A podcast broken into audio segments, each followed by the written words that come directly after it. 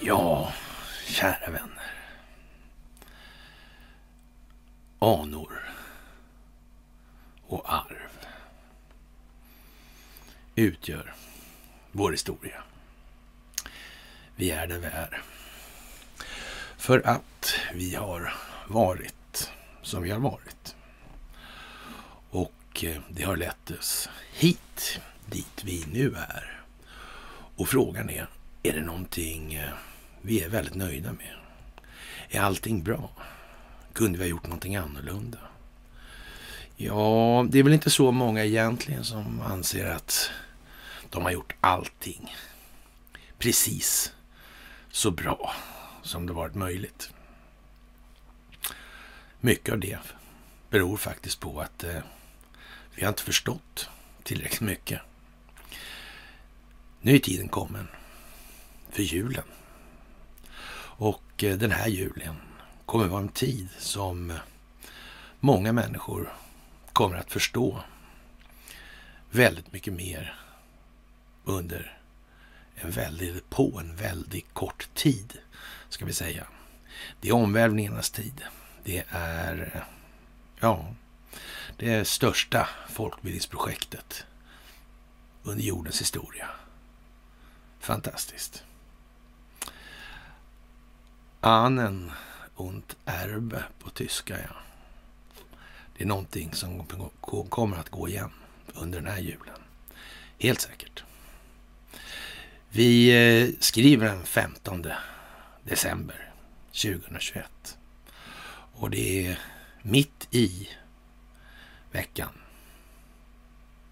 Ja, och mitt i veckan-dagen, eller piglördagen då, det innebär också i traditionell mening inte bara jultider, utan eh, speciellt för den här rörelsen innebär det ett onsdagsmys. Ja, och eh, dessutom så ska ni ha, som alltid, det största av tack för det ni gör. Tack för gåvor på Swish och på Patreon. Tack för att ni fördjupar er på karlnorberg.se. Tack för att ni hakar på Telegramtjänsten och tack för att ni är så aktiva som ni är på nätet. Det är fantastiskt. Vi, eller jag, tänkte idag att vi skulle ha en lite annan ordning på det här. Vi börjar så nära vi kan egentligen. Och så går vi lite bakåt de sista dygnen och ser om det sitter ihop åt det hållet också. det gör det bergs alltså. Ja, och mycket är ju mycket speciellt nu. Och ja, hur är det här egentligen med situationen i USA? Vad händer? Vilken eh, implikation har det på situationen i Sverige? Hur agerar svenska medier? Vilka opinionsbildningsmässiga effekter söker man med den information man faktiskt förmedlar? Och återigen, det handlar om det moderna kriget. Vi är mitt i det moderna kriget. Och dess tre beståndsdelar är ju vad som dominerar tillvaron för all utveckling nu. I USA kan vi ju konstatera att eh, senaten röstar faktiskt för att höja skuldtaket med 50 mot 49 och det kan vi ju säga är kanske, kan, eller rättare sagt kan verka lite speciellt och det kommer att visa sig om någon har haft någon planering kring det här eller så. Alltså det, ja, och man skulle höja det här eh, skuldtaket då med 2,5 miljarder dollar då. Och det är ju rätt så högt nu det här. Och den skulden går ju inte att betala tillbaka. Och vad beror det här på då? Nu får man ju låna till räntorna ja, istället. Ja, vad beror det på egentligen? Vad är grunden till hela den här situationens uppkomst? Vad är det för någonting egentligen? Eller ens? Ja, det kan man ju fråga sig. Alltså en senator Lammis, en republikan från Wyoming, röstade inte då eftersom han för närvarande är sjuk då och återhämtar sig då i Wyoming. Men eh, lagförslaget går nu vidare då till det demokratkontrollerade representanthuset där det förväntas gå igenom. Och som vi har sagt tidigare, om man har planerat det här. Och man vet att det går igenom senaten först då. Mm. Hur skulle man lägga upp det här egentligen om man ville ha någon bra effekt på det här? Han har ju gapat och skrikit och orerat, det har han inte gjort, men han har i alla fall uttryckt i sig ganska klara termer om att man bör använda det här skuldtaket som en metod och hävstång för att sätta små käppar i, eller slänga ner små skiftnycklar ska vi säga, i växellådan på den amerikanska statsapparatens maskineri då. Och kan det vara så att man har kommit på den delen? Alltså, för det är ju inte bara de här republikanska senatorerna som har låtit sig köpas. Det måste ju också finnas de demokrater som faktiskt inte ens är intresserade av den här typen av hantering som det demokratiska partiet har ägna sig åt. Kan det vara så alltså, att det finns faktiskt de som tycker att det här partiet är värt ett bättre öde? Kan det vara så? Ja, som faktiskt tänker att de vill göra rätt och de har i sin uppfattning om att tillvaron ser ut på ett eller, ett eller annat sätt. här. Men det må man ju ha. Alltså man får tro och tycka vad man vill. Men sen finns det ju vissa gränser. Alltså, moraliska och etiska gränser kanske framför allt som bör göra sig gällande. Mm.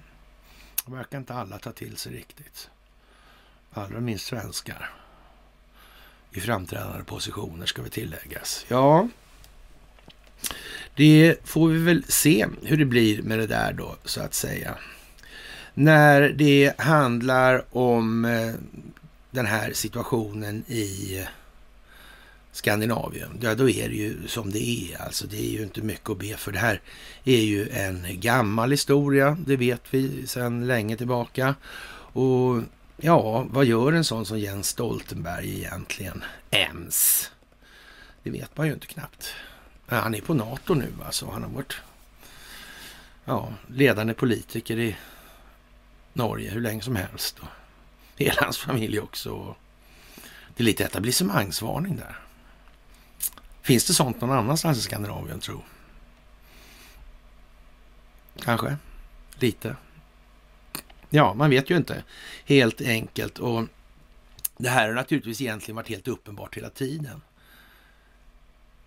möjligtvis lite mindre uppenbart än vad det är nu när informationsrörelseriktningen har förändrats från att vara vertikal till att bli i princip helt horisontell. Det är ju, spelar ju liksom ingen roll vad någon i etablissemanget säger eller inte säger numera. Det skiter ju folk höger fan i helt enkelt. Och så enkelt är det med den saken. Det går att korstabulera, det går att kontrollera, det går att se efter och så vidare. Och vad blir det kvar av det här? Vad blir det av trovärdigheten egentligen? Ja, covidiotin. Fantastiskt. Alla tittar på den nu. Den är makalös. Men samtidigt, inte ens de mest ruttna läkarna, och det är många det, kan riktigt hålla masken längre. Och de som är inte riktigt lika ruttna. De försöker rädda arslet nu så mycket det går. De tänker inte åka på en stolgångsockupation där inte, nej. Räcker det? Vet inte. Det beror väl på hur pass hjälpsamma de är, helt enkelt. De har väl någonting mer att säga, antar jag, än att tala om att det här är någon form av propagandabluff. Det är medierna som står bakom covidiotin. Utan medierna. Då hade vi inte sett mycket vaccination. Inte, nej, det hade vi inte gjort. Det hade vi inte gjort. Vad är det som ska belysas egentligen? Vilka krafter, intressen ligger bakom den här typen av verksamhet? Ja, det är lite speciellt. Kanske till och med lite mer än bara lite. Jaha, Och nu börjar alltså norska ledamöter av Stortinget då, ja, de börjar se vissa demokratiproblem då när Stoltenberg i fråga då ska bli då chef för centralbanken. Ja, men Norges självständighet, vad är det för någonting egentligen? Vad har de för företag där? Vilka har grundat de företagen? Vilka ekonomiska intressen har verkat ledande i det här? Kanske det här med att stänga av kraftförsörjningen kan ses som ett led i någon form av skydd eller sådär. Mm. För det är väl trots allt så att de har en kraftförsörjning. Mm, det har de. Mm. Finns ABB inblandat i det där? Kan man fråga sig. Har de telefoner i Norge? Mm. Kan man misstänka va? Ja, frågan om vad det här är för någonting helt enkelt. Opinionen, den betyder allt. Och vi bevittnar nu historiens bästa pedagogiska exempel på folkbildning till det allmännas fromma, skrev vi den 15 december 2020. Och har man sett? Det har bara accelererat. Det har bara blivit allt mer av den saken. Nu är befolkningen bra mycket mer medveten. Mer medvetet medveten. Saker som gick hem förra året vid den här tiden landar inte alls på samma ställe. Så jävla enkelt är det. Helt säkert. Ja, det får man faktiskt tänka lite på också. När eh, Ryssland och Kina gör så att de börjar prata om att skapa ett nytt finansiellt system utanför ja, västländernas kontroll då. Och då kan vi nästan säga att då, då är det en öppen utmaning lite grann kan man säga. Det innebär ju någonstans att de marknaderna i sig kommer ställas utanför det här som har varit, där då ekonomi som del av det moderna kriget faktiskt utgör i alla fall 15 procent och en inte obetydlig del för folk i allmänhet i deras uppfattningsvärld. Och det där är ju lite speciellt. Det är ju en rätt så grov grej. Det är ungefär lika grovt faktiskt som att hota med att stänga av Ryssland från Swift. Men Ryssland har ju redan skapat ett nytt parallellt sånt, om vi ska kalla det för Swift-system då. Varför gjorde man det så snart?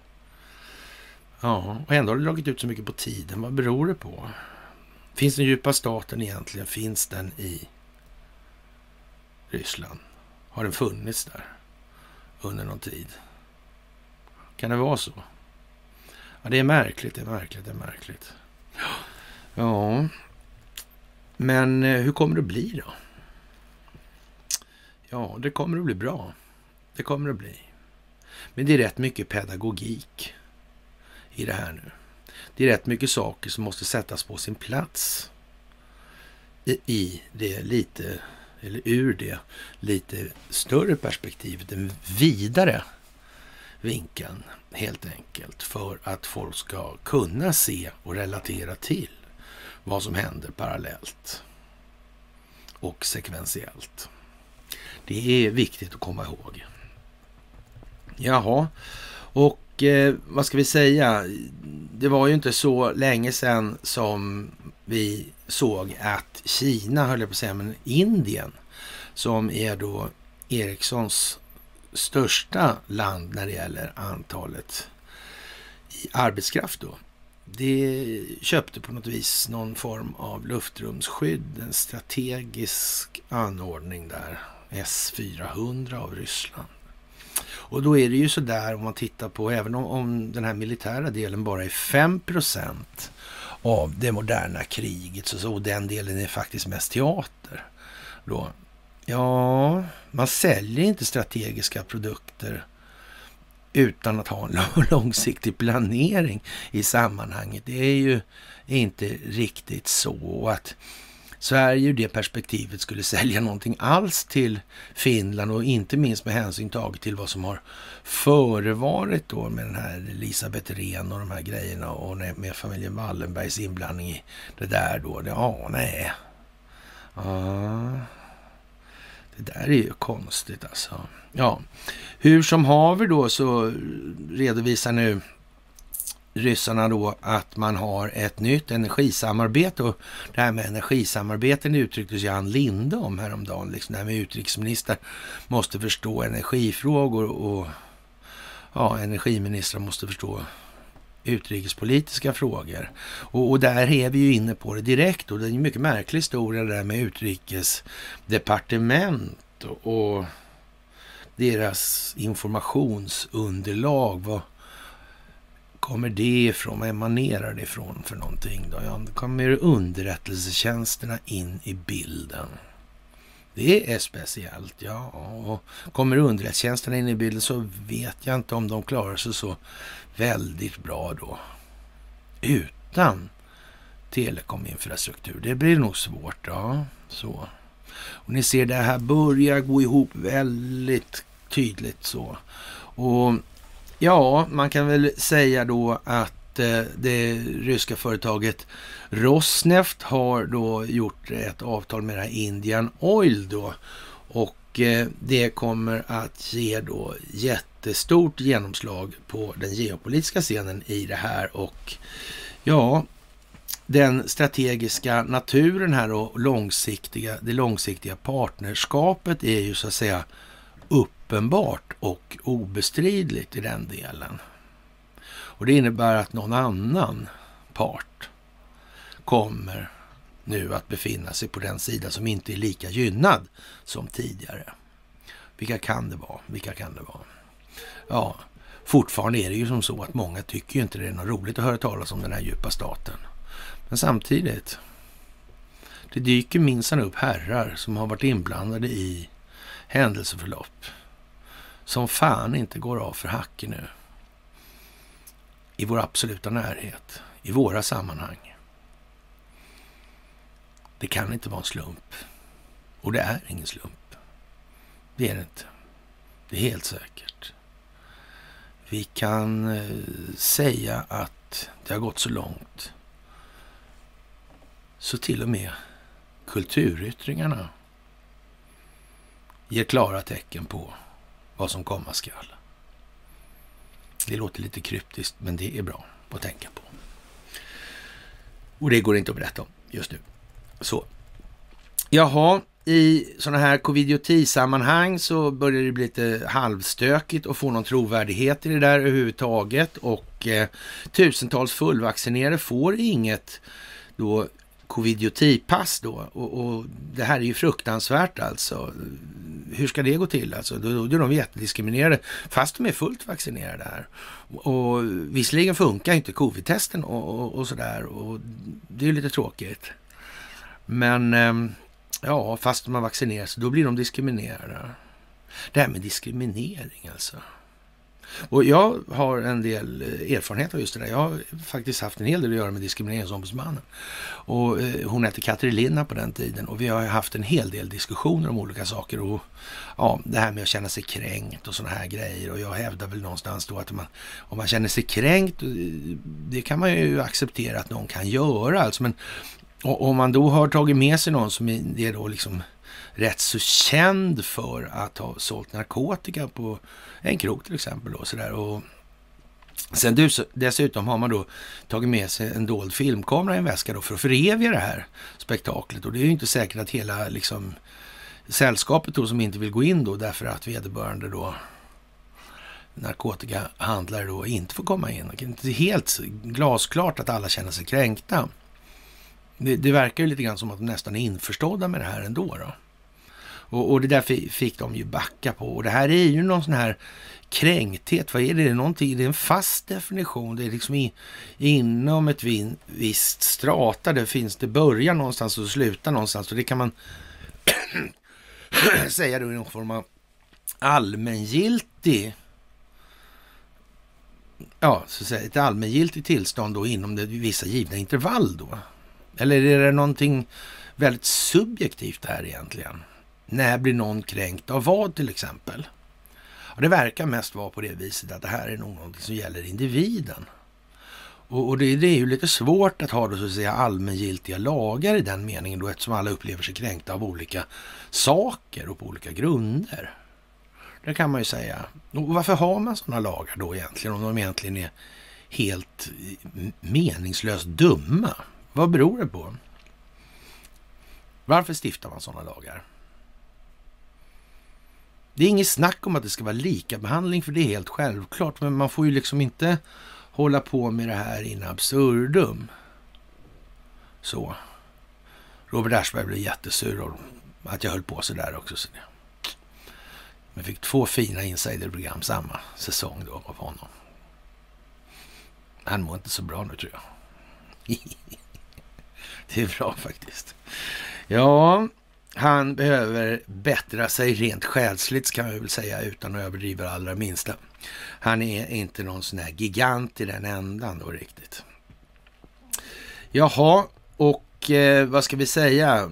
Vi, ja, vi tar det till noteringarna helt enkelt. De kommuner som inte agerar kan få surt efter. Ansvariga chefer kan bli straffansvariga om, kommun, eh, om patienter har blivit sjuka eller avlidit och detta kan knytas till en ovaccinerad medarbetare, säger en herre som heter Tommy Iseskog. Alla kommuner måste börja göra som Eskilstuna och den slumrande tillsynsmyndigheten IVO, Inspektionen för vård och omsorg, borde självklart ryta åt dem som ja, att göra det igår, helt enkelt. Och eh, ja, Regeringen och myndigheterna borde uppmana vårdpersonal att vaccinera sig varenda presskonferens. Nu får det vara sluttassat. Ja, Ann-Charlotte Matteus, jag vet inte på Expressen. Hon tycker man ska ta antivaxarna i örat, era fegisar. Ja, man ska väl vara försiktig kanske i det här eh, läget. Det ska man nog vara det är nog bra grej. Man ska vara försiktig när man önskar sig saker här i jultiden. Det har ju tendens att komma klappar på dörren. ja, vad ska man säga? Det är som upplagt för en minnesvärd jul helt enkelt. Det kanske är bra att knyta upp det till en sån högtid så folk faktiskt har en referenspunkt i tiden. När hände någonting och vad var det som hände? Kan det vara så? Finns det pedagogisk effekt med att göra på så vis? Jag menar, ingen jävel kommer ju ihåg en dag i mitten på april. Det måste finnas en tidsmässig referenspunkt. Julafton är bra, den är stor och central. Så kan det vara. Så kan det vara. Ja, vi vet ju inte. Vi får väl se helt enkelt. Den eh, ja, sydafrikanska läkaren som hittade den här omikronvarianten reagerar starkt på Boris Johnsons olika utspel då om mutationens framfart. Då vet ju vi också här att Boris han vet, eller Bojo, han vet hur man spelar för att vinna. Han är så att säga väl förfaren i den hanteringen. Det är liksom ingen diskussion om. Hon anklagar nu i alla fall den här premiärministern i England då för att orsaka hysteri och det är ett enormt gap mellan forskningen och vad som nu pågår, säger den här läkaren och Angelique Kotzi då till Sky News och det är ju lite speciellt faktiskt. Hon, hon tycker att han gör någon form av ja, en mer medial kris än en, en medicinsk kris helt enkelt. Och vi har ju sagt det att vi inte kanske lägger så mycket aspekter på just den ja, virologiska delen i den här frågan. För den är ju liksom inte, jag tror nästan alla har fattat det nu, att det är ju inte det som är huvudsaken i det. Om det här nu viruset som inte går att, att, att, testa fram då, om det existerar eller inte. Liksom. Okej, okay, låt gå att det existerar då, så verkar ju liksom inte själva dödstalen öka sådär supermycket i alla fall då, då om man säger. Ja, men det beror naturligtvis på de fantastiska vaccinen som utlovades så mycket från början, men sen senare visade sig då att själva smittotalen och sådär, nej, nej, det var inte så bra kanske, nej, som det var utlovat. Det var ju allvarligt kanske. Mm.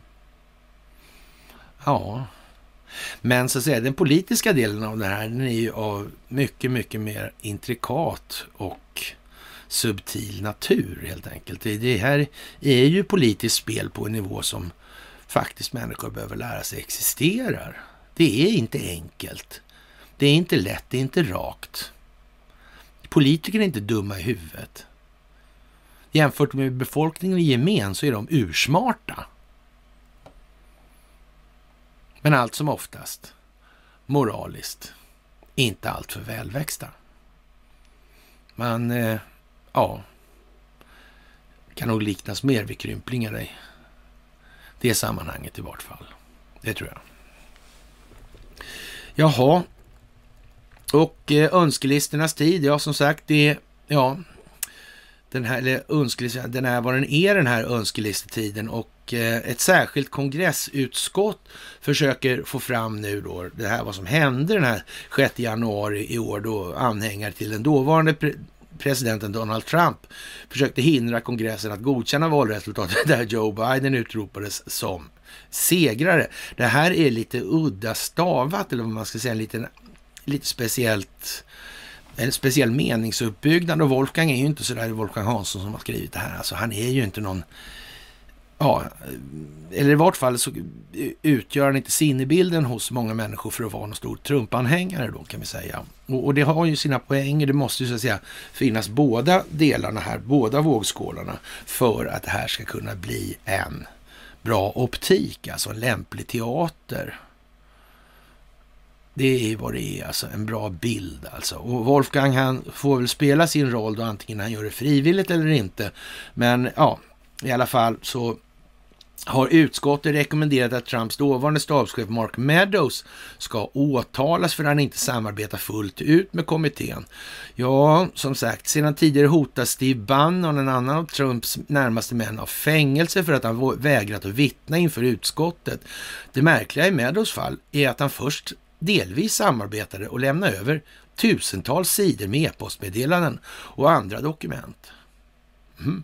Sen vägrar han att infinna sig och vittna inför kongresskommittén. Ja, så märkligt. Ja, misstankar finns att Donald Trump agerar i bakgrunden och försöker påverka nyckelpersoner att inte samarbeta. Jaha. Ja, ja. Själv gör han sitt bästa för att sanningen inte ska komma fram. Hela hösten har eh, Trump via domstolar försökt att blockera att eh, granskningskommissionen ska få tillgång till, de dåvarande, till den dåvarande presidentens e-postmeddelanden och telefonlogg under de aktuella dagarna. Och nu tar vi det här igen alltså, den här med önskelistorna. Man ska vara försiktig med vad man önskar sig. Man ska vara försiktig med vad man önskar sig. Tänk om det finns demokrater ibland de här eh, ja, tusentals sidorna med e-postmeddelanden. Tänk om det finns sådana också. Tänk om det är avlyssnat.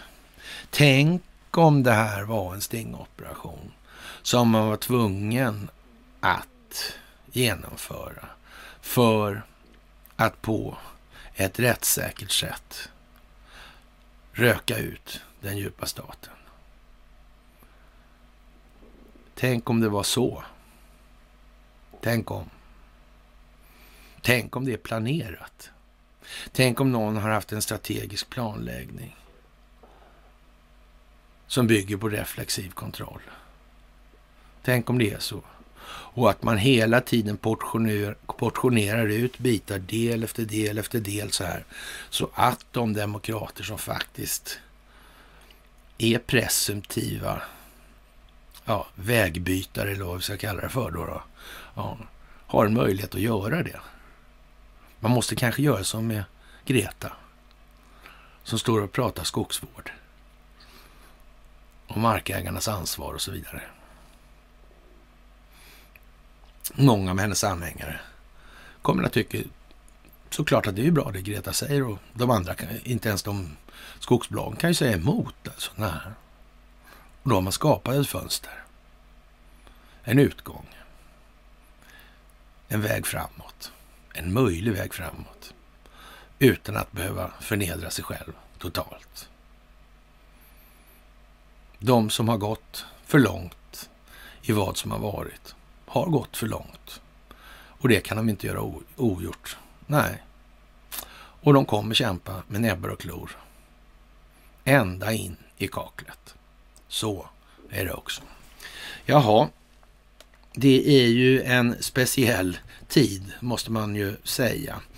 Och eh, jaha, i de här olika korruptionssammanhangen och ska vi kalla det för eh, ja, moraliskt inte så beundransvärda sammanhangen så väljer då Aftonbladet att publicera några som adopterar där det är två män då som eller som har adopterat barn från Brasilien och den här hanteringen med de här barnen från andra länder och så vidare. Det, det är ju mycket svårt att se egentligen vad, vad gör en sån artikel för nytta egentligen alltså? Blir de här barnen gladare av det? Får de en bättre situation? De här två som ställer så glatt upp på det här, är det bättre någonting för dem här? Känns eh, obehagligt lite grann, alltså, eller olustigt ska jag säga. Faktiskt, det där är... Eh, ja. Men det ska vi ha klart för oss i det här landet alltså. Vi är en särart sedan lång tid tillbaka. Det har inte bara varit fröjd och gamman i stugorna här alltså. Nej, det har det inte varit. Det har inte varit det alltså. Och det måste vi göra upp med. Vi måste göra upp med Annen och Erbe. Mm. Det måste vi göra. Anor och arv, ja. ja. Det är så.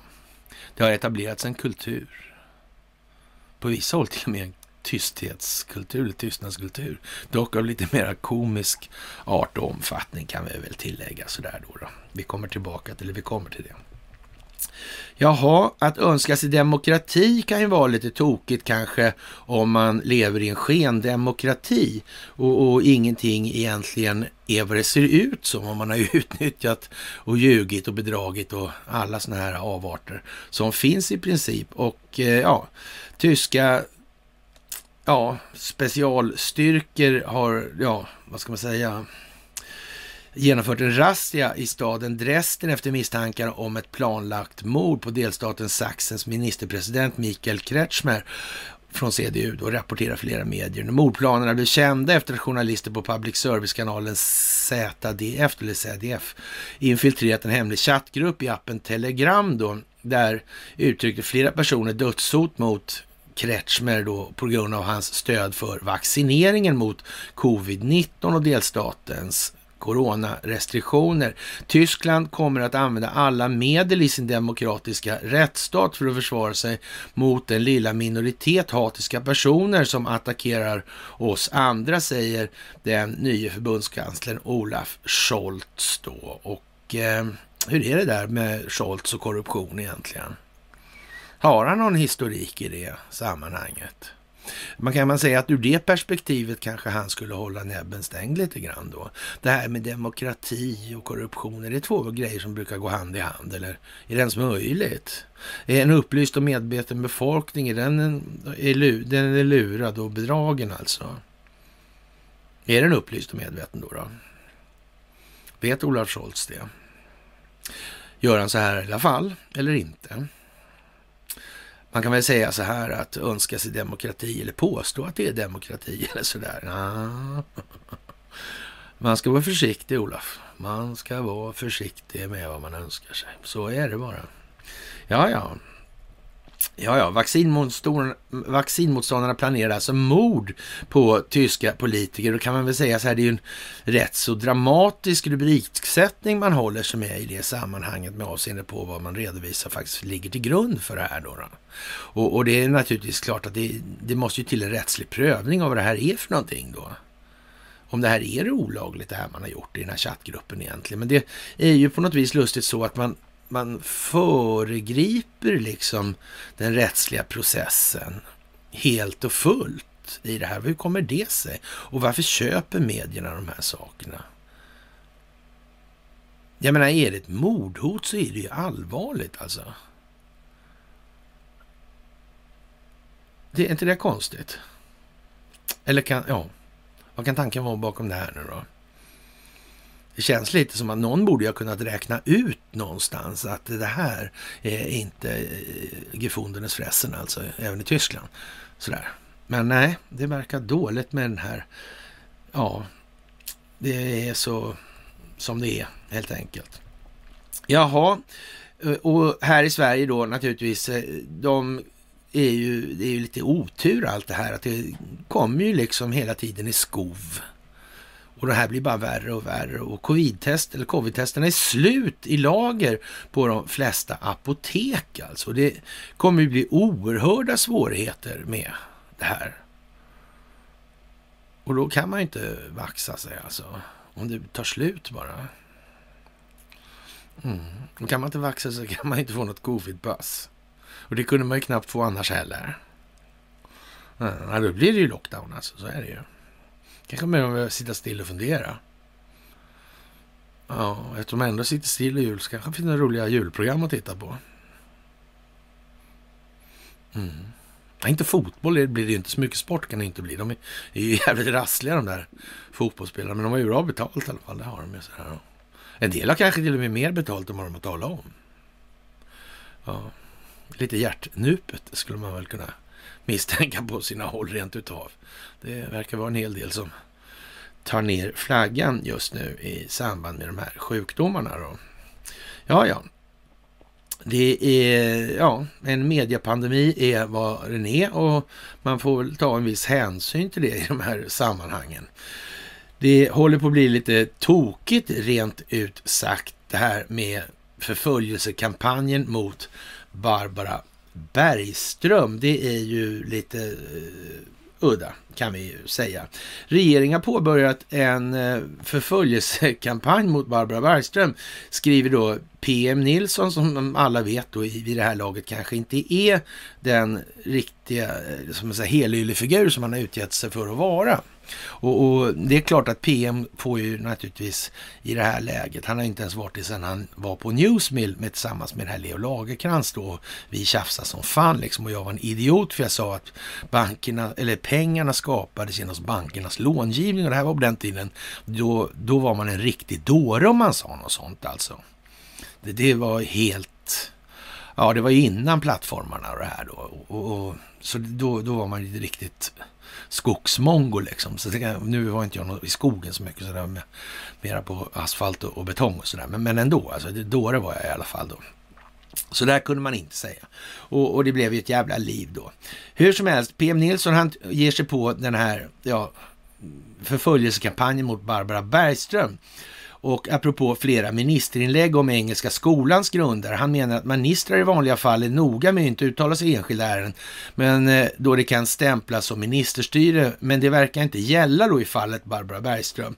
Det står dem fritt att lämna fram lagförslag hur nedmonteringen av friskolorna ska gå till, men det är fortsatt viktigt med gränser för statsmakterna.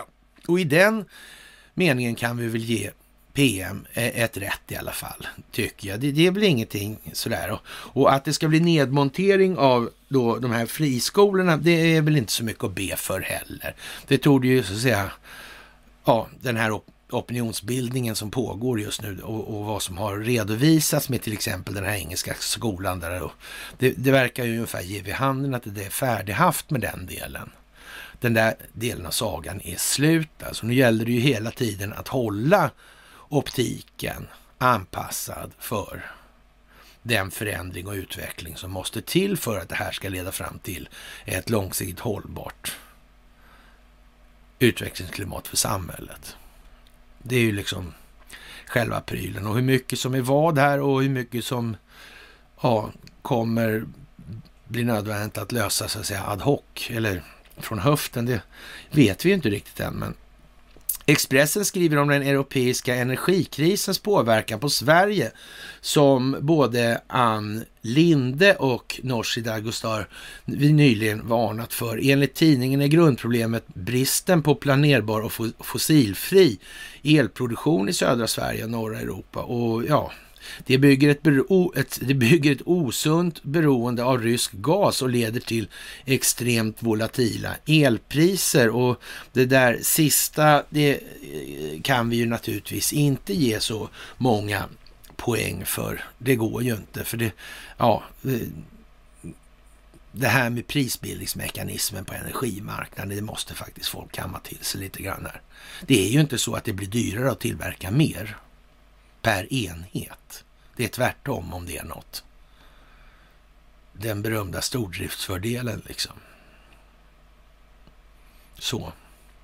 Ja, Svenska Dagbladets Mattias Svensson han skriver om det svenska biståndet och att Sida genom att anlita kommundirektörer och PR-byråer vill tala oss till rätta om biståndets förträfflighet. Ytterligare sätt för biståndspengar att göda rika kommunikatörer i Sverige istället för de fattiga man gärna pratar om att hjälpa. Och, och, det kan ju möjligtvis äga sin riktighet och det gör det faktiskt också i, i en rad olika sammanhang och ur en rad olika perspektiv. Men det är också så här att det är minsann inte det enda med Sida och ni vet som vi har pratat om rätt många gånger när det gäller Sida och bokföring så är det vad man plägar kalla för någonting som är inkommensurabla storheter. Alltså det går inte att jämföra helt enkelt. De finns inte på samma världskarta kort sagt alltså. Det är bara så. Ja, och eh, det är ju lite sådär halvkomiskt när svenska medier börjar, eller tvingas, ta tag i omvärldsbeskrivningen på det här sättet. Då har vi kommit någon vart i det här folkbildningsprojektet, inte minst om man jämför med bara för ett år sedan. Vi visste att det skulle komma. Vi visste det för många år sedan att det skulle komma dessutom. Och det kunde aldrig ha blivit någonting annat än vad som blev. Ja, ja. Jaha. EUs värdepappersmyndighet ESMA utreder Finansinspektionen för eventuella överträdelser av unionens lagar kan DI avslöja idag då för ett par timmar sedan. Orsaken är att Finansinspektionens hantering av anmälda blankningspositioner där även små positioner har offentliggjorts då. Och vem vet alltså, har den här Finansinspektionen, har det någonting med den andra, det här andra gänget att göra? Alltså, Ekobrottsmyndigheten, de där som blev så flagrant oduglig förklarade att det nog saknar motstycke i svensk press historia. Ja, Finansinspektionen, ja, det är ju också ett fint ställe det. Ja. Det har suttit en och annan banktjänsteman där kan man säga. Är det rim, riktigt rimligt? Ja? För bankerna de skickar väl bara dit de mest samvetsgranna jävlarna. Det är väl viktigt att komma ihåg det kanske. Och de springer väl inte bankens ärenden fortfarande. De kommer inte dit för den sakens skull för att springa bankens ärenden. Nej. Och nu utreds de alltså av Värdepappersmyndigheten, EU. Ja. Handlar om det svenska rättssystemet det här må tro? Var det det som Robert O'Brien pratade om? Kan det vara det? Ja, det verkar handla om det mesta från värdepapper till ja, kärnbränsle. I Ukraina i allmänhet och kanske Tjernobyl i synnerhet. Mm. Kan det vara så?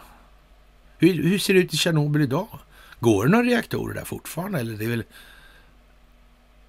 Hur ser det ut egentligen? Vet någon det?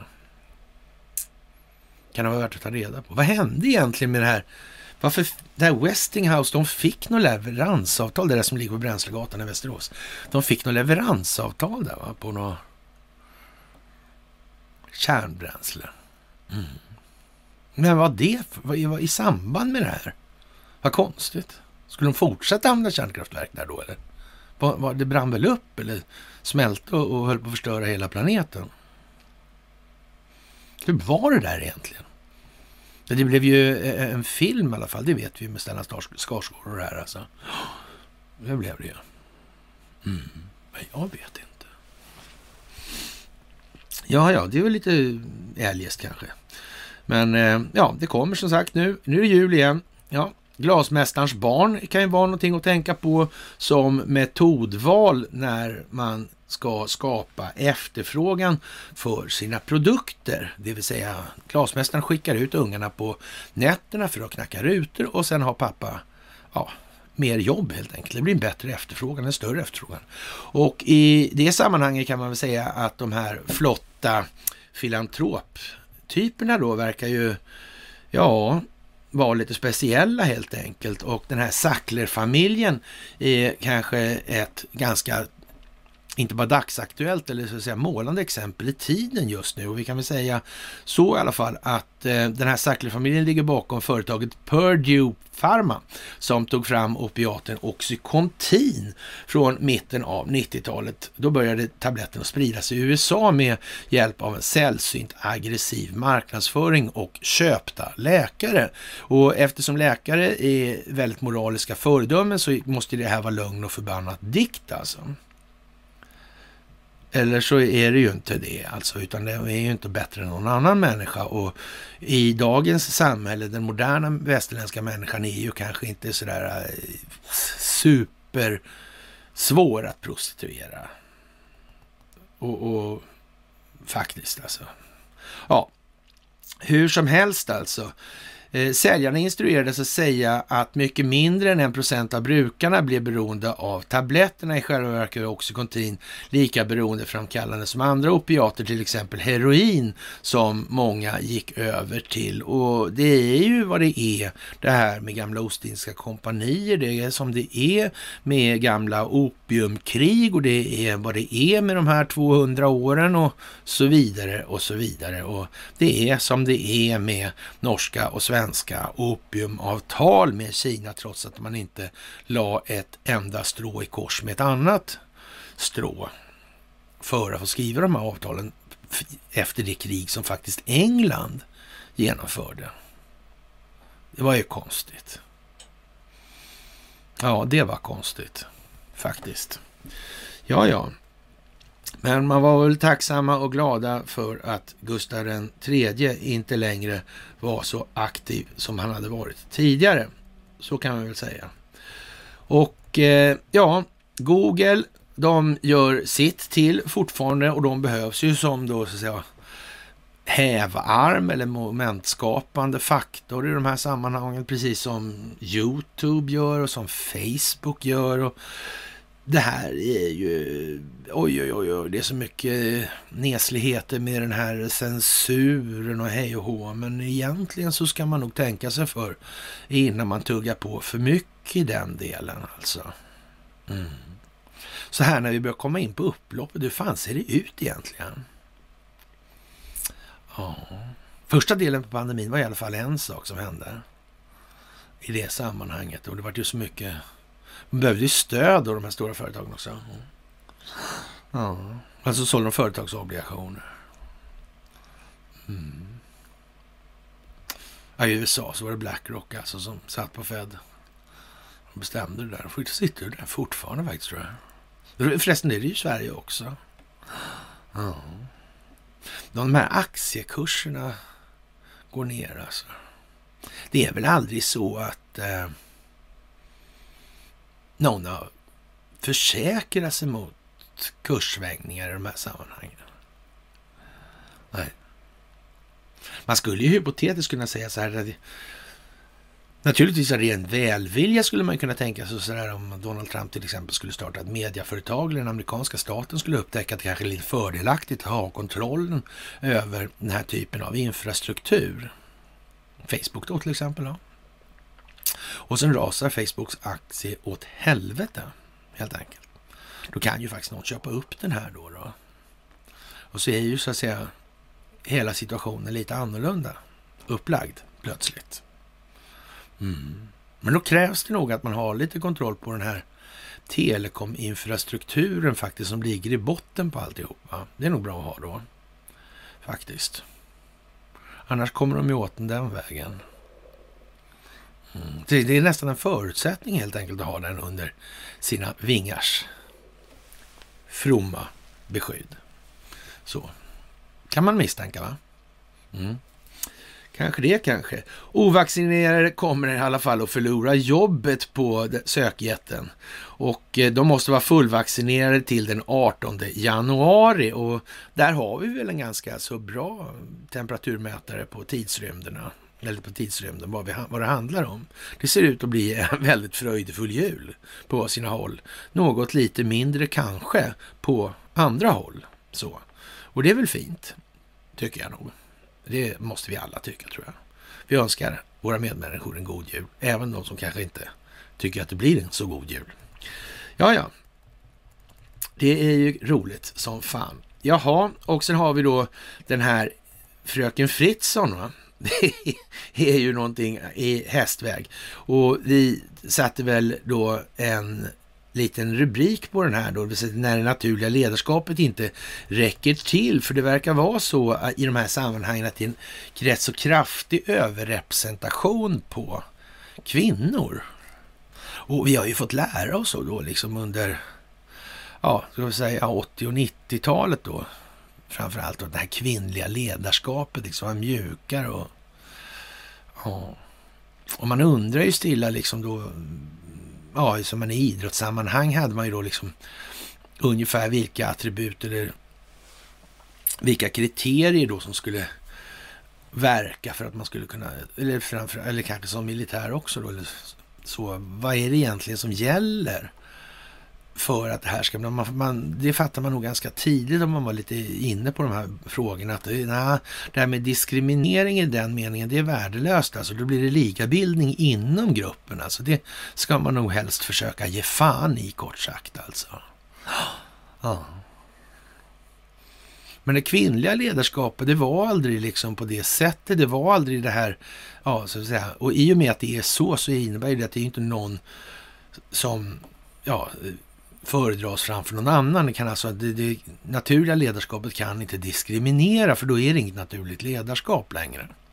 Ja, och, och, alla vet ju då ungefär hur lätt det är att skicka iväg två eller tre brudar till Mallis då på, på charterresa Va? när de har, hur, vad som har hänt när de har kommit på planet. Va? Och, ja, och sådär. Alltså det, det, har en tendens att bli lite ligabildning, alltså det blir två mot ett ganska snart alltså.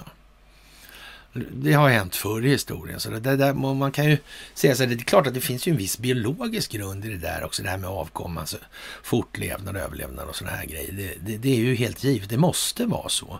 Men, men, och därför blir man lite förundrad då när man ser, då, hur kommer det sig egentligen att någon kommer på den geniala, den inte så geniala idén, liksom börja snacka om det här kvinnliga ledarskap. Ledarskap är ju vad det är liksom.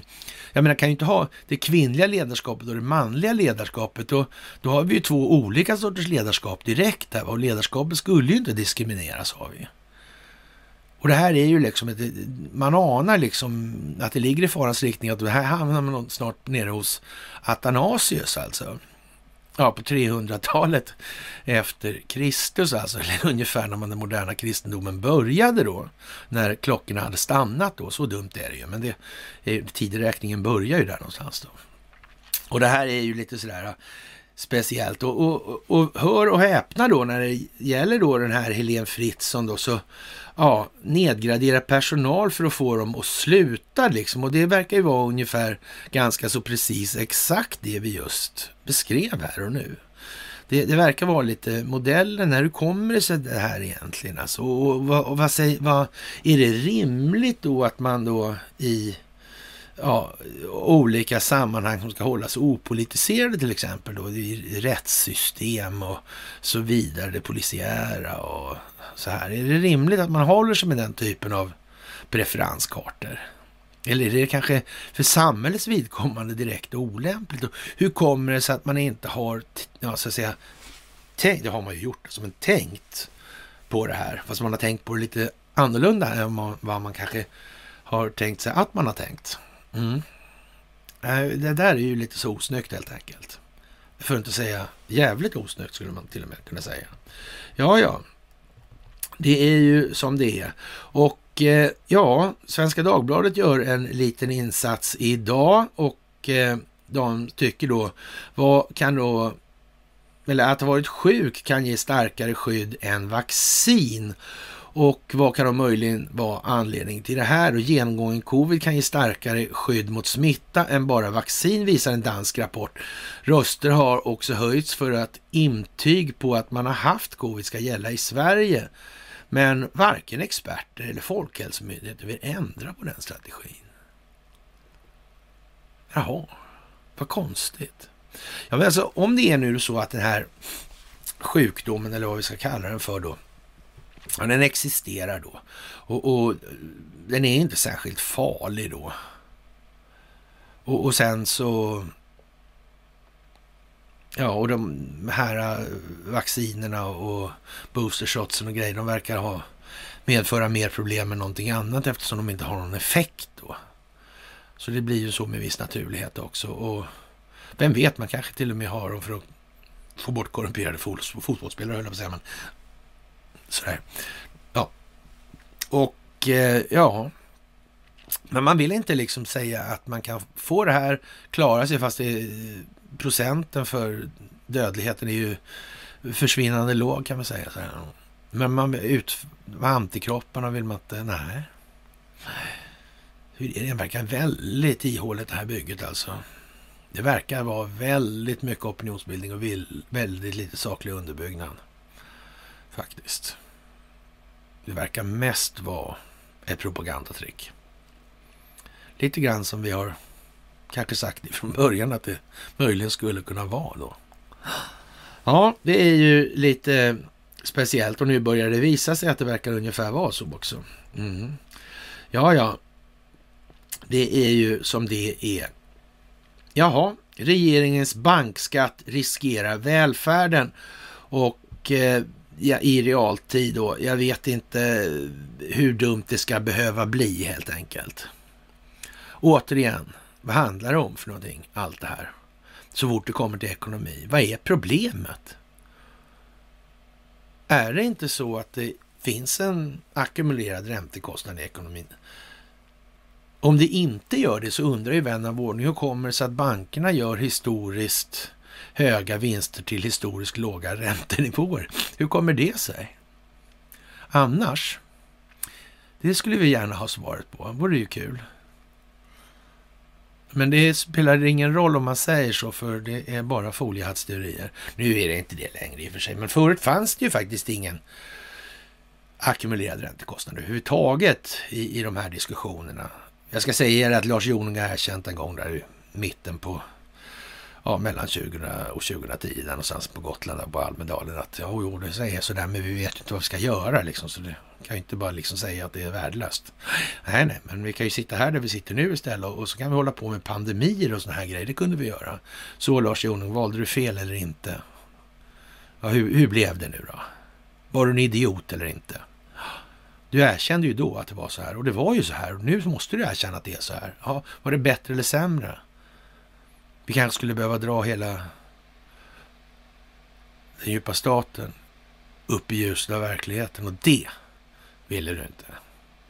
Men det är ju inte riktigt samma svar ändå. Kunde ju faktiskt sagt det så visste vi det på en gång. Även om vi kanske visste det ändå på en gång. Ja, ja, det är jul i år igen. Jaha, och eh, poliser från hela landet flyttas till Stockholm under den här dagen då och just nu. Och som sagt, det är ju så att det drar ihop sig och eh, alla krafter är inte samverkande för att göra det här till det bästa för samhället. Det ska man ha absolut glasklart för sig. Det finns glasmästarbarn så det både räcker och blir över i det här som kan springa runt och panga rutor hej vad det går. Och därför så måste man naturligtvis förstärka och man kan väl säga så här att risken att man då ska göra en stor så att säga, insats då uppe i Indal till exempel, då, om vi ska ta ett indiskt ställe, en liten by då bredvid Indalsälven och eh, där har det för övrigt gått till sig förr i tiden då. Det, det ska man inte sticka under stol med. Det har, det har varit lite tokigt där med så så här, vissa fördämningar som branns och sådana där saker. Det blir lite så, men det är en annan historia. Det har inte med det här att göra. Eller ja, det har det väl i och för sig, men det är mera, mera ur historisk aspekt då i så fall. Och eh, de här poliserna i alla fall som flyttar till Stockholm är naturligtvis för att det finns ju en risk att det stökas lite hit och dit. Det gör det ju. Men å andra sidan kan man säga så här, eh, det här är ju planerat. Så ja, det blir vad det blir och det blir vad det ska bli, helt säkert. Och har man inte lyckats med den planeringen, då får man nästan så fan med skylla sig själv alltså. Det är ju så. Det är ungefär som med det här, om man nu lyckas förgifta hela jordens befolkning med de här vaxen då, då får man väl ta ansvar för det också antar jag. Och det lär inte vara något litet jävla ansvar att ta på sig.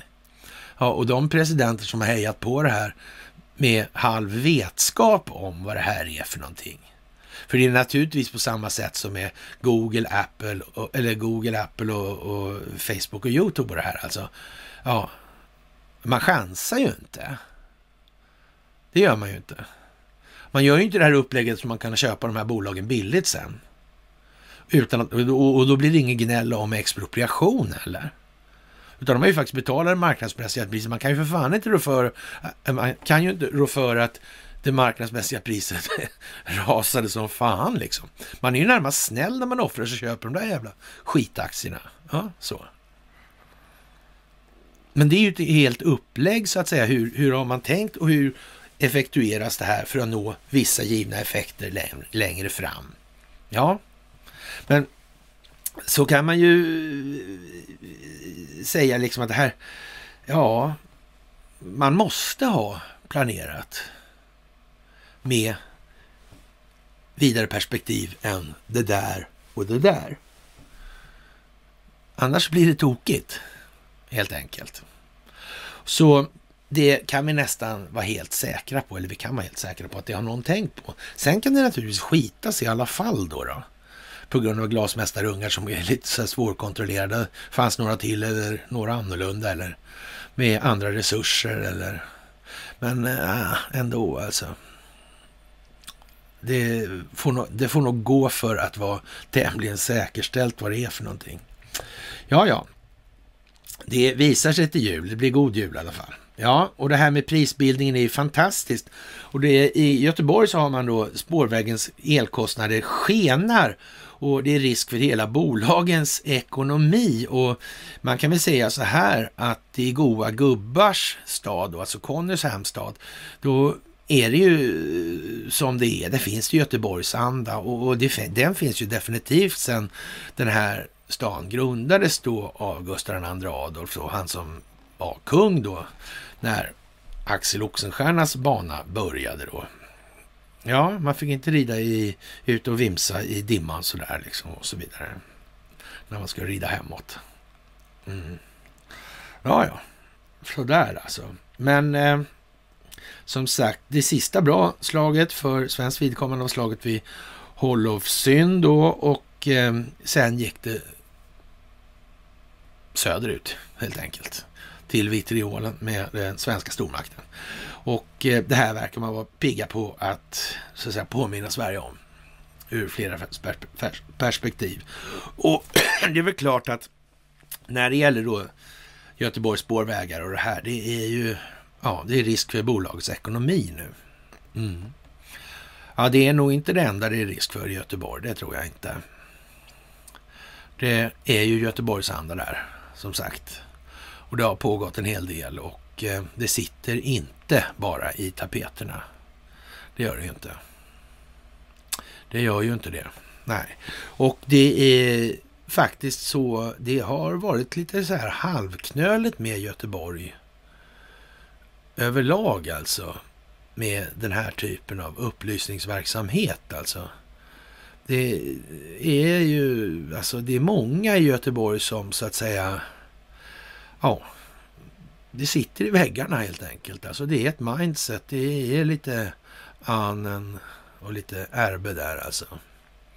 Det är ju så också. Vi blir frukten av vad som har varit tidigare. Så. Och det är nog också bra att tänka på i det här.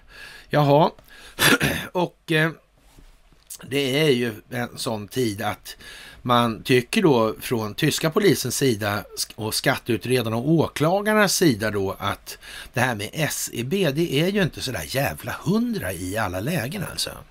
Det är det ju inte.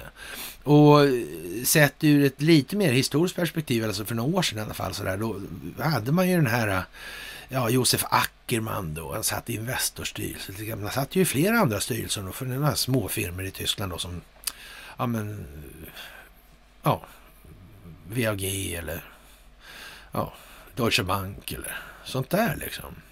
Och det var ju bara för att de här företagen egentligen då eh, tyckte det var trevligt med de här eh, människorna från Sverige alltså. Man beundrar dem. Det var, liksom, det var lite romantik i det här som gällde. Alltså. Det var därför de fick de här styrelseplatserna. Alltså. Mm. Så var det ju. Ja. Och, och, precis som det här med eh, Anna Närbe-projektet alltså. Ja. Och Sven Hedin-institutet inom ramen för det där då. Mm. Och hans upptäcktsfärder hit och dit i Himalaya och Tibet och allt det här. Ja och hans nära vänskap med Himmler. Och det här Sven Hedin-institutet. Den uppskattning som Adolf Hitler hyste för Sven Hedin, till exempel. Samma Sven Hedin som skrev Borggårdstalet åt den svenska kungen i parlamentarismens linda. Men det var inte kontrollerat. Det var inte det någonstans alltså. Ingen kände någon annan någonsin. Whatsoever. Ja, och vem vet? Det kanske visar sig snart en massa saker i de här frågorna. Hur som helst, razzia mot SEBs kontor i Tyskland då under natten. Och det är ju lite sådär alltså. Vad kan de leta efter? Ja, de var inne och kollade med servrarna och sådana här grejer. Ja. Man kan ju tänka sig så här att det var en liten omkoppling som skulle göras där på hårdvaran så att säga så att någon kunde tanka över en kopia på dem där någon annanstans. Det kan man ju tänka sig också sådär. Men 80 man, det är ju rätt många alltså. Det gäller alltså att hålla låsning på mycket folk alltså, så inte någon gjorde något dumt alltså. Så kan man väl tänka sig. Det var väl inte 80 man som skulle då bryta i någon serverhall på en massa... Nej, det tror jag inte på. Nej, så var det nog inte, helt enkelt. Och det kommer att visa sig. Jaha, så igen och igen och igen och igen. Elpriserna har aldrig varit så höga. Värst drabbat i södra Sverige. Den högsta nivån i år hittills är 6,46 då per kilowattimme. Och eh, det vill säga 2700 75 procent högre än motsvarande period förra året. Även i norra Sverige har priserna stuckit iväg ordentligt under tisdagsförmiddagen låg toppen på 2,75 då medelpriset i elområde 2 där större delen av Västerbotten ingår var under november 43,89 per kilowattimme vilket jämförs med förra året och medelpriset på samma period var 6,6 öre per kilowattimme, en öken, ökning av snittpriset med 560 5 procent. Det är ju i alla fall en rätt så rejäl ökning. Orsakerna bakom rekordpriserna är flera. Dels är det ovanligt kallt. Okej. Okay. Vänta nu. Priset per kilowattimme ökar för det är kallt. Så produktionskostnaden ökar alltså. Det är ju vad man säger här alltså. Hur menar man då? Eller alltså det är konkurrensen om de Ja, de bjuder över varandra liksom. Jaha, marknaden bjuder över och ja, det finns ett begränsat utbud på något vis som gör att marknaden trissar upp priserna och vill ha de här. Men är det inte så att det är inte bättre för elproducenten i sånt fall att alltid skära i utbudet så att den typen av mekanism i så fall håller i sig om det är det någon som är så jävla dum så den tror på det där. Så, så, ja. Men då i alla fall, blir i alla fall det den logiska konsekvensen. Ja, och tyvärr, kära vänner, kära vänner. Ja, vi, vi är ju där vi är, Annenerbe. Ja, är det inte tråkigt? Att falla på eget grepp skulle man väl kunna säga i det här va? Ja, ja, ja, ja, ja, ja, ja. Ja, ovanligt kallt och en ökad förbrukning alltså, samtidigt som vindkraftproduktionen är fantastiska, är, fantastiska, är låg då det blåser lite. Men det måste man väl ha upptäckt tidigare ändå att det inte var så bra med vindkraft under vintern eftersom det inte blåser. Måste man väl ha upptäckt. Jag ser inte det. Nej, nej. Man missar det också. Ja, ja, ja, ja. det vet man ju aldrig. Hur, hur, hur kommer det här sig liksom? Verkar inte det liksom lite elementa kanske? Då? Nej, inte alls. Inte alls. Nej, nej då, vad dumt av mig. Dumt av mig. Förlåt, förlåt, förlåt. Jaha, och eh, ja, i norr har isbildningen vid vattenkraftverken varit en bidragande faktor, vilket har följts av att man inte kört vattenkraften på full kapacitet. Man kan ju säga att man tappar då rätt mycket ur de här älvarna av någon anledning som bara går förbi. Det är ju en annan rätt så speciell grej. Och vad ska man säga, det känns som att det ligger lite argan list bakom det här i en eller annan omfattning, sådär typ 1000 procent eller 100 procent i vart fall. Då. Ja, det är ju lite sådär och, och varför isbildningen då skulle vara en bidragande faktor i det här när det, det ser ju väldigt sällan ut på det, alltså, man får kanske tänka sig att man tar reda lite grann på hur en sån här ett sånt här kraftverk ser ut och fungerar. Man kan tänka sig att när man tar Ljungan till exempel och så tar man då det kraftverket som ligger uppe i till exempel Nordaneder där och hur kommer det där vattnet ner i älvfåran liksom och sådana här saker. Hur ser det ut till exempel uppe vid Ljungaverk? Torpshammar. Sådär. Och ju mer man tittar på sådana här kraftverk, desto mer förundrad blir man varför inte några fler människor... Ja, det är konstigt. Det är konstigt. Men lättjan. Den är vad den är. Den är vad den är. Ja, ja, men det är till att ta tag i det. Det kommer lidande för den sakens skull också. Sådär, så att eh, ja. I söder i alla fall beror det på, främst på att eller på ett produktionsunderskott. Jaha, ja, men det har väl de alltid? Eh, eller har vi missförstått det här alltså? Till följd av nedstängningen av kärnkraft då. Och eh, för att det blev alltså inte bättre av att stänga ner den här. Situationen förbättrades alltså inte förbättrades inte av att stänga ner kärnkraften alltså. Eh, det var ju bra. För att stötta upp har man startat upp det oljeeldade kraftverket i Karlshamn. Det måste vara synnerligen klimatsmart alltså. Ja, men tyvärr är det ju så här att det här pedagogiska exemplet, det här folkbildningsprojektet, går ju ut på att exponera de här motsägelserna så att folk ser dem och förstår att det här är inte rimligt. Och om de nu har mage att stå och säga det de säger till befolkningen, och ändå är medvetna om hur saken ser ut och fungerar i verkligheten, ja då kan det möjligen vara på så vis att man också har farit fram med en något lättsinnig hållning i sin beskrivning av eller till verkligheten. Det är ju så alltså. Jag menar, kan man ljuga kan man ju ljuga om allt och det har man ju naturligtvis gjort alltså. Eller skulle de bara ljuga om de här grejerna för att gynna de här enskilda nyttomaximeringsintressen i några fåtal frågor? Eller kanske gäller det över hela linjen? Kan det vara så att de här intressena är de som sätter dit politikerna på plats för att göra just det de gör? Och vi tror det hjälper att springa och rösta. Och för säkerhets skull har naturligtvis inte den djupa staten glömt det här med valprocesser och så vidare. Det är ju inte så. Det finns ju inte på en enda jävla karta. Sådär.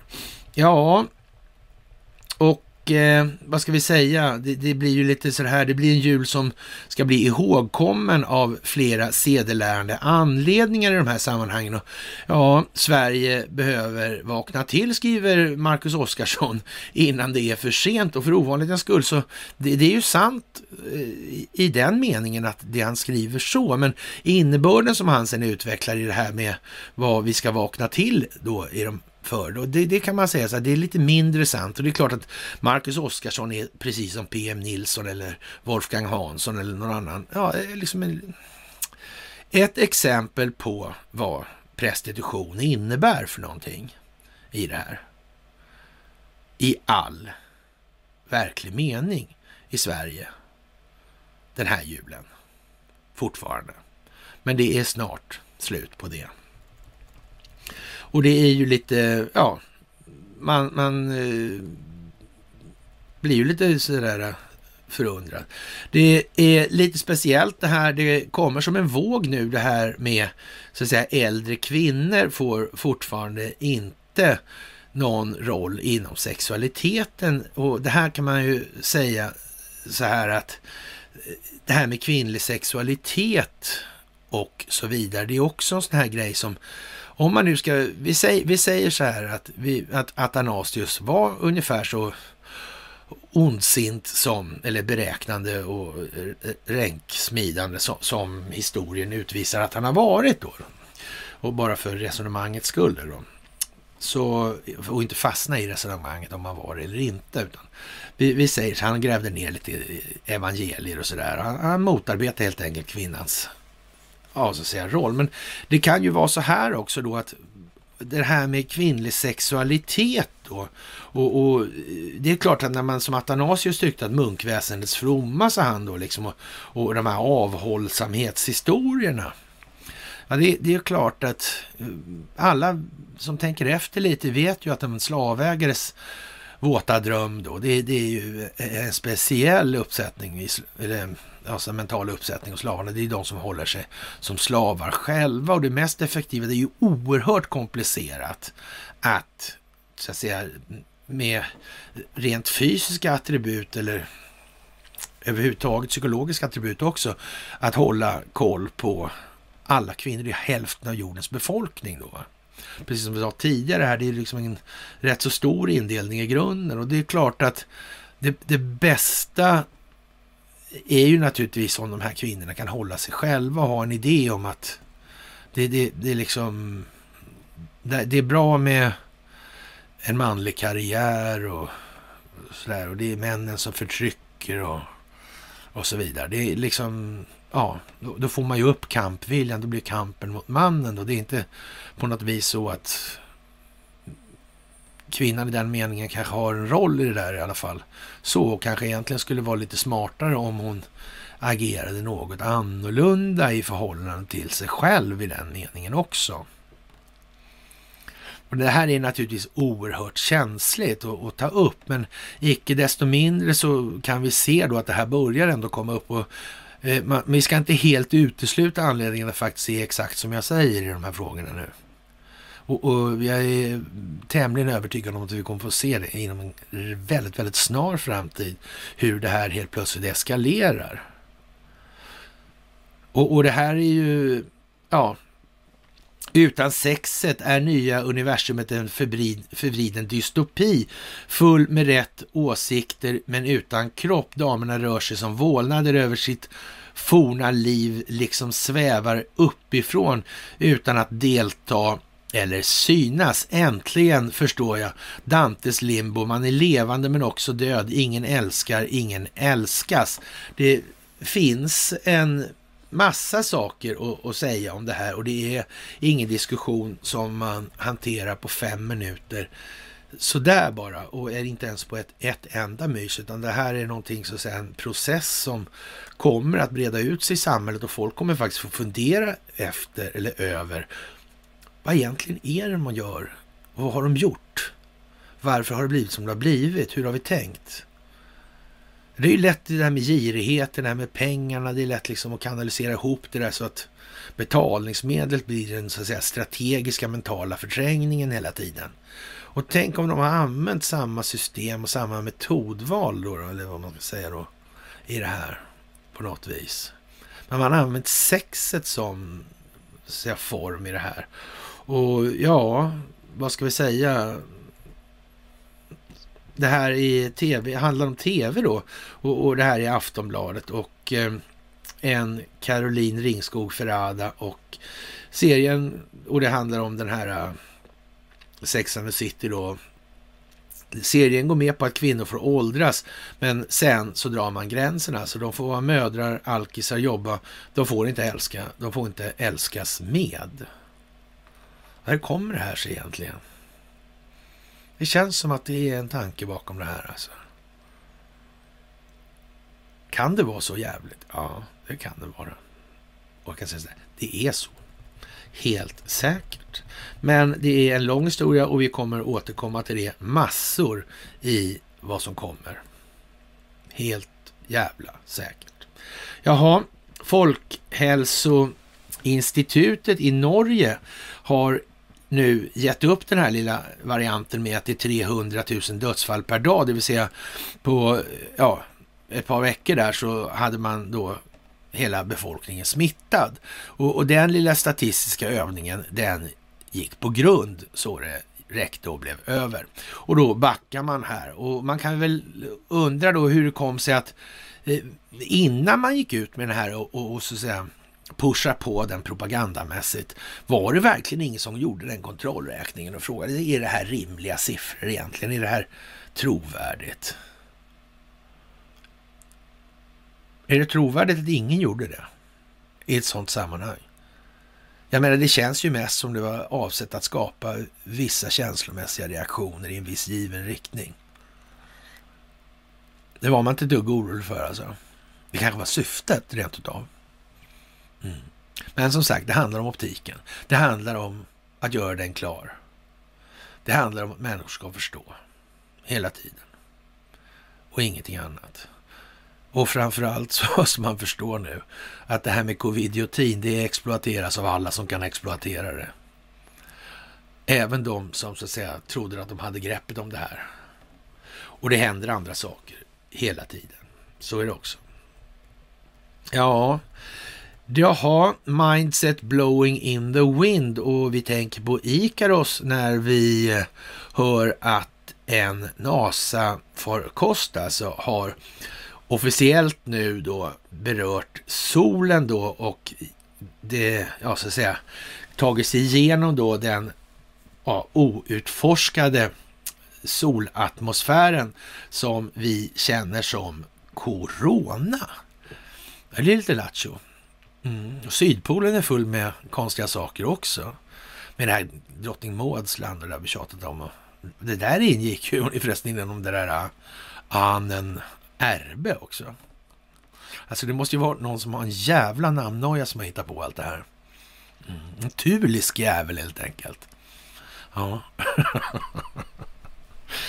ja, ja, ja, ja. Om inte annat fattar man ingenting förutom liksom de där med namn måste man åtminstone kunna säga så här att Ja, det är antingen så är det ju de här då liksom som håller på med det här som ligger bakom i alla sammanhang och det kan man ju se att de gör då, Så här. Men då, eller också är det någon annan då som ska ge dem skulden för allt det här då. då. Ja, visserligen, och då handlar det om, kan man hitta och knyta olika personer i de här förloppen? Kan man göra sakligt underbyggda argument och leda resonemanget till logisk grund? Ja, då är det ju en sak. Och då, kommer det, då behövs ju inte jättemycket rymdödlor och, och frimicklare och religiösa sammansvärjningar och hej och Nej. Alltså det, det, vi kommer bara längre och längre fram. Men lugn, lugn, lugn, lugn. Bengt Edlén som upptäckte den här coronan då. då. Ja, han är ungefär lika eh, som den. Det, det är på något vis det, man hör historiens vingslag när man läser hans namn då man, och man ser då ja, lite grann som kryptologin då och de här fantastiska kryptologiska landvinningarna som gjordes då. Mm. Ja, men det var ju det här med de ryska skifferblanketterna och så var det där med G-maskinerna. Ja, det var han Börling där. Ja. Det är lite samma tid och det skulle hypotetiskt kunna vara samma bakomliggande intressen och sådär alltså. Mm. Men vem vet? Plocka fram runödlan så och bevisa. Då så håller vi med. Då gör vi helt om och hävdar motsatsen alltså. Jaha, i eh, Riddarhuset vill man kasta ut greve Sparre då och eh, det är ju lite udda här nu i de här sammanhangen. Det är naturligtvis i olika konstellationer och olika intressen också som så att säga kristalliserar ut sig i det här läget. Det kan man också tänka på. det kommer finnas människor och det kommer finnas beteenden. Till syvende och sist. Noga räknat precis som det alltid har varit. Konstigt nog. Trots att man har försökt göra gällande att det finns både ismer och det ena och det andra som verkar styrande. Ja. Det är konstigt. När man sa det från början, så här, det finns bara människor och beteenden, då tog det hus i helvete. Det ville de inte höra talas om minsann. Ja, och som sagt, filosofisk materialism är vad det är och det kommer inte visa sig vara någon väg till någon större själslig framgång faktiskt. Och eh, ja, som sagt, det är ett kärnämne det här med män är dåliga älskare säger man nu i Expressen. Då det handlar om Amelia eller Amalia. Amelia tror hon heter. Den där tidningen då. Och eh, det här är ett kärnämne som är märkligt nog ett av de allra mest exploaterade i styrningssammanhang. Och är det någonstans som hjärntvätten är utvecklad så är det alltså inom det här ämnet. Och det är en annan artikel idag också då. Det här är så dumt så klockorna faktiskt stannade vid tidräkningens början som vi sa tidigare. Och här talar man om då att män är dåliga älskare och man kan ju kanske tänka sig då att rent sådär hypotetiskt i alla fall så skulle man ju kunna tänka sig att det faktiskt finns kvinnor som är dåliga älskarinnor. Då, då. Det skulle man väl kunna säga. Det borde väl finnas ungefär lika många då om de är lika missnöjda eller? Ja, och så kan man hålla på och, och så säga bryta i det här lite grann och titta egentligen på hur resonerar en individ och så kan man ge fan i det där och, och med, med, så att säga genushistorien i det här, för den sitter ju liksom där av en... Det, alltså, eh, den konstruktionen sitter ju där av en anledning och den anledningen är i princip Athanasius idé alltså. Så. Det fanns säkert innan också, men i så, att säga, så storskaligt som det blev då med kristendomen. Och det här är ju, så här, män är dåliga älskare, det borde vi sluta tiga om. Det ska man ju såklart sluta tiga om. Jag menar, man kan ju eh, undra liksom, vad är det för jävla stolpskott liksom? Om hon inte ens kan kommunicera sin egen sexualitet med sin partner. Men vad fan trodde hon liksom? Att, att han skulle gå på Medborgarskolan och lära sig någonting eller? Va, va, hur fan menar hon det här liksom? Jag menar, det blir, jag antar att det blir vad man gör det till om man är delaktig, eller hur fan fungerar det? Lite eh, sarkastiskt uttryckt då alltså. Ja men det är ju stendumt. Och, och den här artikeln är så faktiskt så imbecill att man, man, får ju en känsla av att det, det, den är ju faktiskt ett bra anslag. De flesta fattar ju liksom att Ja, men om vi säger då att i, i det här hennes fall då så är det någon form av heterorelation då. Och, och då kan man ju eh, säga så här, ja, nu verkar ju, är det säkert då liksom att de här dåliga älskarna kanske, ja, ja, de kanske ställer upp liksom. Vad fan, det är ju inte... För hur fan är det där egentligen? Hur är det med den här driven egentligen? Egentligen alltså. Om man säger rent fortplantningsmässigt så måste det ju åtminstone vara så att kvinnan enligt, så säga, eller ja, så säga, utifrån den fertila tidsintervallet, eller det, det fertila tidsintervallet, borde ju så att säga se till att hålla ett högre tempo eftersom det är kortare. Så. I rimlighetens namn. Och, och liksom redan där så tycker man ju någonstans att det... Och sen har vi då alltså de, de socialpsykologiska, socialpsykologiska stereotyperna som ändå tycks dominera det här till 100 procent. Jag menar, och då drar hon till då liksom det här med med, med klitoris och, och, och, så vidare, sådär, och könsdelar och så. Men, men, men kom igen nu då, om du börjar med det, men led, som led resonemangen klart då åtminstone. Jag menar, har, har, hur många har diskuterat till exempel ja, könsdelarnas olika funktion, hur känslosammansättningen ser ut, hur ser nervbildningarna ut, liksom, vad går nervbanorna och så vidare. Så vad, och, och, om man inte ens har en aning om någonting liksom och tror det här bara ska fixa sig. Ungefär som att ett garage, man kör in bilen och tror den lagar sig själv. Liksom. Det är ju inte så. Du måste ju veta en massa saker. Och om man inte ens kommunicerar de sakerna med motparten, den andra parten i den här sexuella akten, men kom igen nu! Hur fan ska det bli liksom? Och klart att det är sådär, varför tar man bort orden då? Varför gör man tabun kring olika frågor i det här? Vad kan det vara liksom? Och de här avhållsamhetsidéerna sen Athanasius, vad fan kan syftet vara? Möjligen Vad kan det vara? Ja, och så.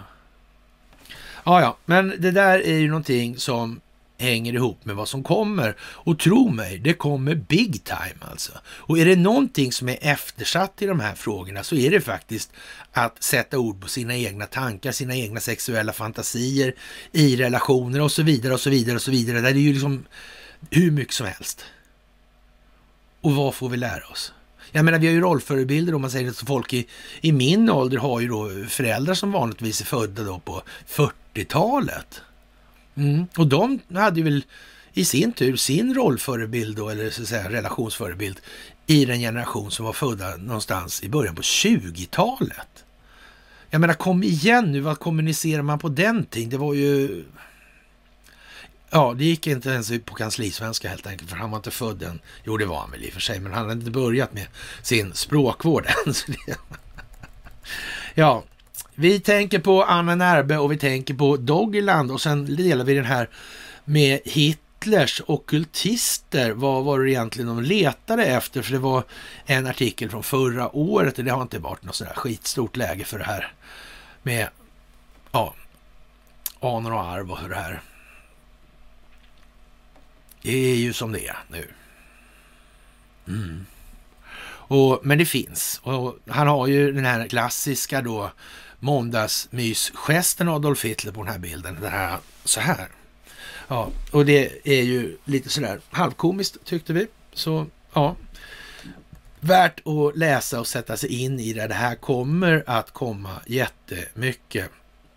Och eh, som sagt, ja, eh, komma med sagor om att Himmler, alltså, Himmler hade ju en förkärlek till det okulta, den svarta solen och var ursprunget till den ariska rasen och såna grejer. Men hur fan vet man det? Jag menar Himmler, han förhandlade via sin massör med Hewitt som var representant för amerikanska Swedish Match, som i sin tur förhandlade åt Wallenberg med den här massören. Ja, om att avsätta Adolf Hitler. Jag menar, vad, tror någon att Hitler eller Himmler redovisar sitt känsloliv i öppen terminologi och så vidare? App för avlyssnade det här förhandlandet. Hitler vågar inte göra något. Jaha, så tokigt. Och varför skickar han egentligen Hess? Hemligt? Hur kom det sig? Vem var han rädd på? Vem på hemmaplan var, plan var han så rädd för så han inte kunde tala om det där? Vem var det som han var så rädd för? Ja, som sagt. Och han hade Sven Hedin som idol. Mm. Varifrån kom rasbiologin? Och så vidare, och så vidare, och så vidare. Ja, Signalspaning och tystnadskultur är lite intressant, så att säga, när de värnpliktiga uttrycks för destruktivt ledarskap, säger man, och skickar ihop, hem allihopa då från då gamla S1 då, då eller signalspaningsregementet då, eller signalregementet. Det var ju lite sådär, sådär va. Men det här med spionverksamhet och sådär, utan tystnadskultur och signalspaning utan, och alla går och glappar om vad de plockar hem. Nej, jag vet inte fan alltså. Det ska inte vara något allmänt sladdrande där. Jag tror det är dumt alltså. Det verkar liksom... Ja, det verkar bli dåligt helt enkelt. Så jag tror att någon kanske har tänkt där alltså. Men att man samtidigt gör så här just nu.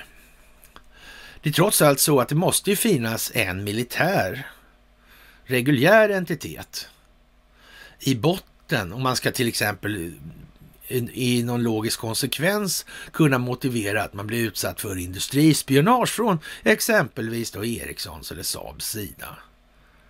i det här. Om den där åker hem nu och, och det här fortsätter och det här håller på att trilskas då. då.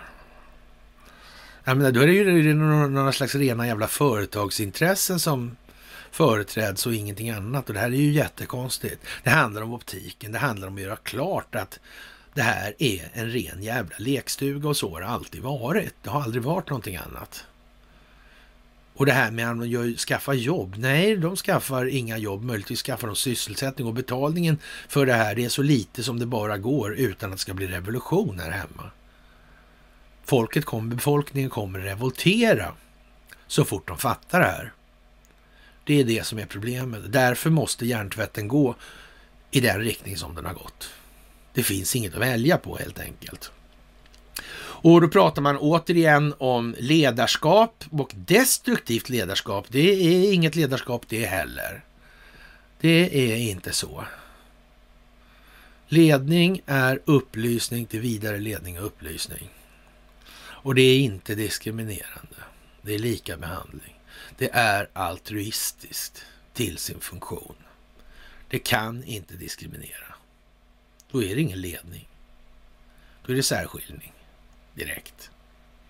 Ja, men det här är inte sådär jättesvårt vid det här laget, tycker jag, för er. Och titta på covid och titta på covid igen då som sagt. Det förstår rätt många nu och eh, Staten tjänar miljarder, säger man då från olika håll när hushållens elräkningar skenar. Och det är stötande rent utav alltså.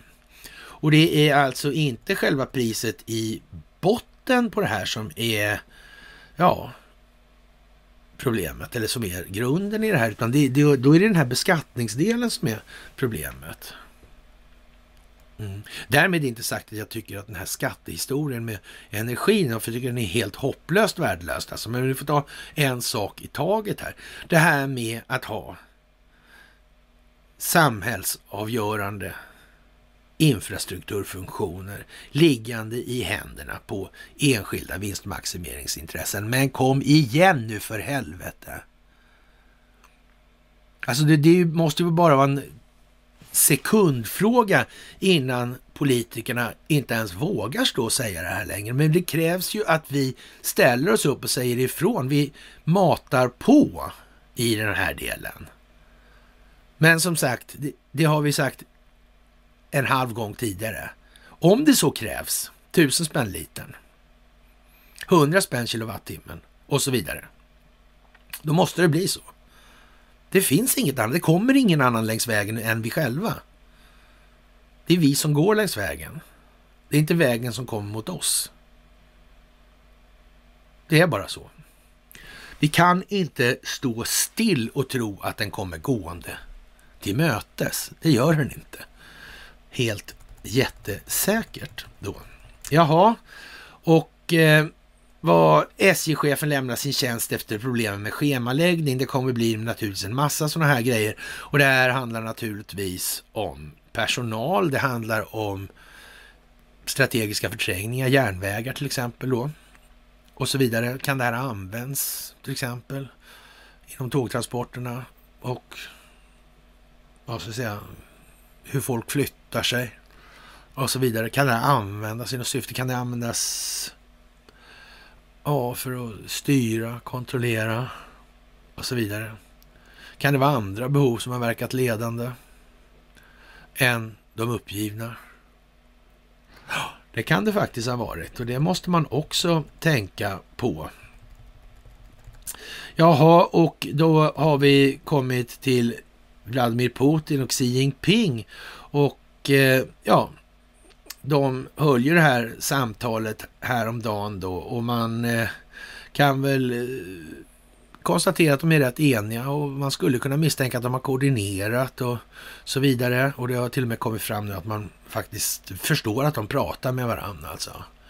Men, men, men eh, eftersom båda är dumma i huvudet då enligt svenska medier så ja, de begriper ju inte att de skulle tjäna på att göra gemensam sak då mot ja, vad de nu anser vara då den yttre fienden för deras respektive land. Nej, men så är det ju naturligtvis. De är inte lika, tillräckligt västerländskt smarta helt enkelt. Jaha, och en då åklagare, eller ja, åklagare i, i District of Columbia, DC där alltså. Han stämmer då de här Proud Boys och Oath Keepers då för den här historien den 6 januari. Och det kan man ju säga så det är en slags omvänd grupptalan och någon slags kollektivt åtal alltså. Ja. Mm. Det är inte individer som ska åtalas alltså. Nej.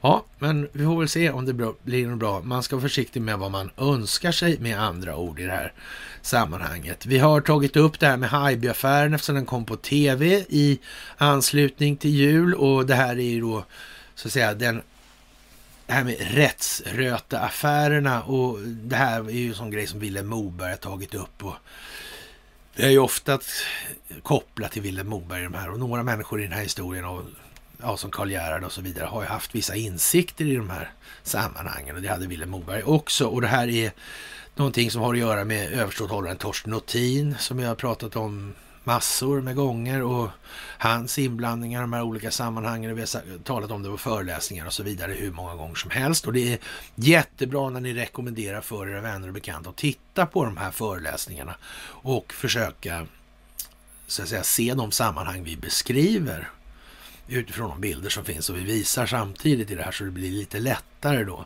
Nu har det kommit så långt att man då så att säga måste köra upp det här på tv.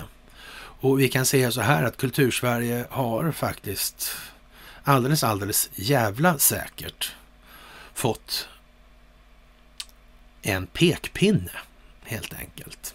För det är inte så att de inte hade kommit på det här tidigare själva annars. Mm. Det är som det är nu. Och det kommer att bli precis vad det ska.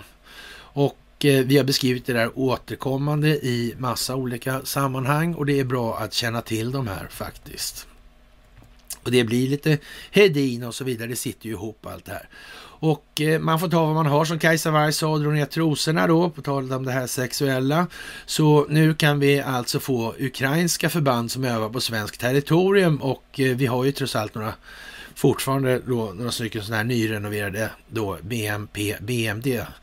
Det är sådana stridsfordon då från gamla Warszawapakten.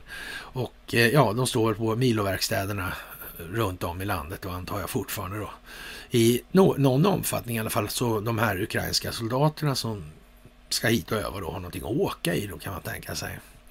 Och eh, ja, jag tror inte på minsta vis att man har missat det här från varken rysk, amerikansk, kinesisk eller någon annan inblandad sida, så att säga.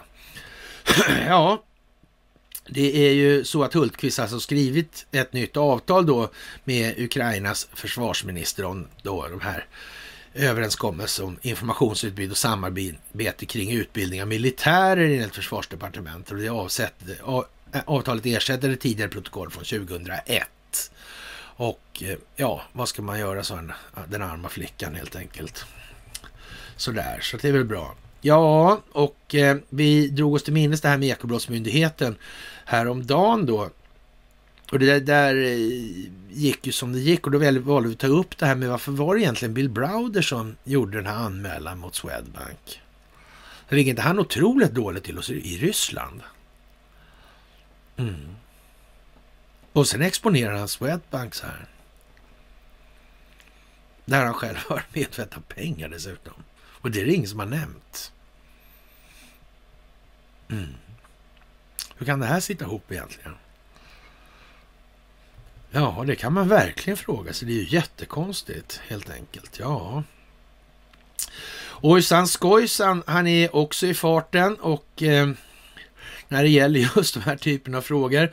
Då säger han till Morgan Johansson, Morgan snälla, alltså du måste styra upp Ekobrottsmyndigheten. Och, och sen avslutar den här långa, i övrigt ganska trista artikeln då, men du vill väl ändå att kampen mot den ekonomiska brottsligheten, en verksamhet som inte minst kriminella gäng och klaner, det kan vara lite olika nivå på de grejerna, alltså, ja, allt mer intresserar sig för, ska bedrivas så effektivt som möjligt. Sen blir det frågetecken.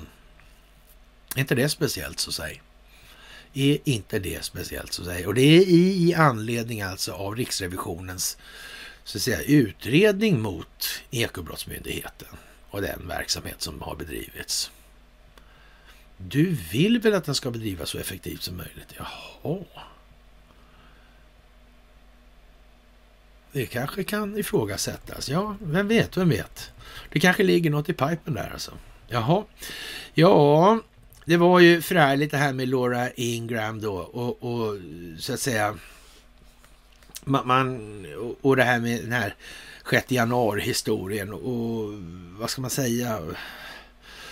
Fox News-profilerna var ju då bestört över det här i början då och Laura Ingram var en av dem som, så att säga, men hon är jurist och borde kunna spela teater bättre eller så kan hon spela teater så bra som hon har gjort faktiskt också. Och det kan ju vara så att hon fick reda på att det hela var en kontrollerad stingoperation för att sätta dit den djupa staten då och alltså allt var planerat. Det kan ju vara så att hon fick reda på det då. Eller också kan det ju vara så att hon bara gjorde så med flit då, så att säga, för att vi skulle reagera som vi gör i det resonemanget. Så hade hon faktiskt koll på det från början. Men för att göra det trovärdigt så gjorde man det där utspelet. Ja, och det här är ju lite sådär äh, speciellt när, när, när då, om ni går ut med det där och, och, och vad ska vi säga? Eh, ja, Genom att offentliggöra de här meddelandena råder utredarna bot på den kollektiva minnesförlust som gjort att konservativa tyckare och republikaner tillåtits glömma hur allvarlig stormningen kändes där och då. Okej. Okay.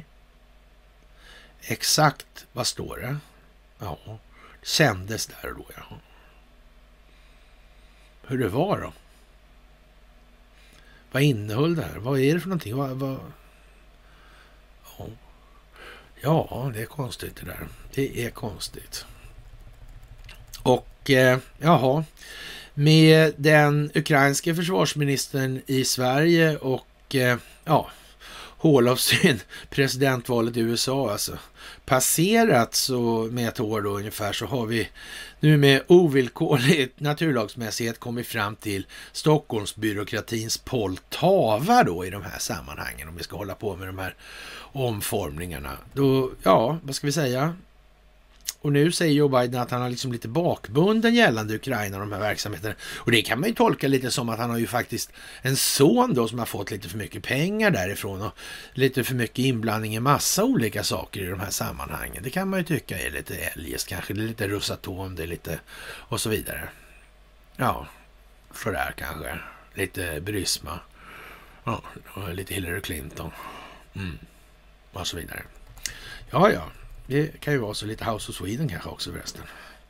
Jaha, och det är ju bra att komma ihåg det då kanske. Och som sagt, de här 500 värnpliktiga skickades då hem ifrån Enköping och det får vi nog se som en rätt så kraftig vattendelare just nu. Och eh, jaha, det är så att säga Lite halvpinsamt där med Ukrainas försvarsminister. Det är väl lite väl övertydligt kan man tycka, men okej, okay, det måste vara den optik som är för att det ska bli som det ska bli naturligtvis. Jaha, och inflationstakten är 3,6 procent och återigen, det är dags för den svenska befolkningen att vakna och fatta någon gång att prisökningar, är prisökningar och inflation är någonting annat och prisökningar är en möjlig konsekvens av inflation, men det är inte inflation. Det ena är ett inflöde, det andra är en prisökning. Ja, så. Och, och finansiell tillgångsprisinflation råder, absolut. Ja. Men eh, det råder deflationsbaserad stagnation i realekonomin, den del som gör någonting alltså. Så är det också. Och eh, det är väl ungefär med det så, ja, vi kan väl säga det här med, det är ju ett trist läge för Facebook nu när man säger då att de här fact-checkers är ju rena jävla opinionsbildarna. Ja, så där, det var inte så bra för aktierna det heller. Och då är det ju tråkigt då att aktieägarna börjar känna ett visst tryck då på det här när, när för det här blir inte bättre för Facebook, det blir sämre. Och de kommer då, när en, en springer mot dörren så kommer de andra springa också. Och eh, ja, som sagt, kanske finns vänliga själar som ändå vill köpa av rent ren välvilja eller omvårdnad då, omvårdsvilja om det här företaget. Man vet ju inte som sagt. Det kan ju vara så också. Det är ju bra att veta. Och eh, det här med Dianas livvakter och han avslöjar, det har ju legat i pipen 100 miljoner år. va. Och eh, man har kommit på att det här med så att säga, utveckla hjärnan då och hur det förhåller sig till finmotoriken, hur bra man kontrollerar sina muskler kan man säga. Så att, att stora muskler har finmotorik i dem, det är någonting som de flesta människor inte har en aning om att man kan ha. Så att man kan ha ju olika neurologisk kontroll på sina muskler och den delen i sin tur skapar, om man utvecklar den delen, så skapar det en utveckling av hjärnans funktioner. Då, så när då har man kommit på att man använder små verktyg för att pillra med, så har man ett moment då i, det här, i den här rörelsen som gör att kroppen inte...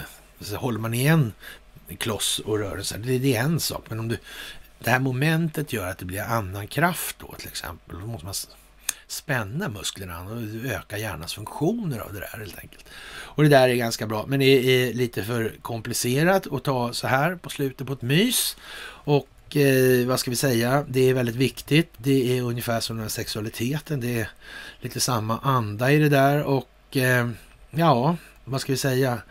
FN, talibanerna bakom 72 olika avre olagliga avrättningar. Nej, men allvarligt talat alltså, det är som det är. Alltså, nu river de det här själva. Man slänger ner skiftnycklar i då den här växellådan för att tvingas fram en motorrenovering helt enkelt. Det är bara så. Och som sagt, det är väl kanske lika bra att kungen inte åker till Kina och det är företagsstängningar efter nytt utbrott i Kina. Man kan ju tänka sig att det är en hel del företag i Kina faktiskt sedan 200 år tillbaka ungefär som ja, i någon mån kommer få en förändrad tillvaro. Så det är ju inte så svårt att räkna ut kanske. Och ja, de har lagt sig i inre angelägenheterna länge och eh, ja, vad ska jag säga mer? Det är ju tider för förändring, det är tider för glädje, det är tider för eh, till exempel att eh, det kommer fram att Ericsson har spionerat på massa olika företag med hjälp av sin telekominfrastruktur.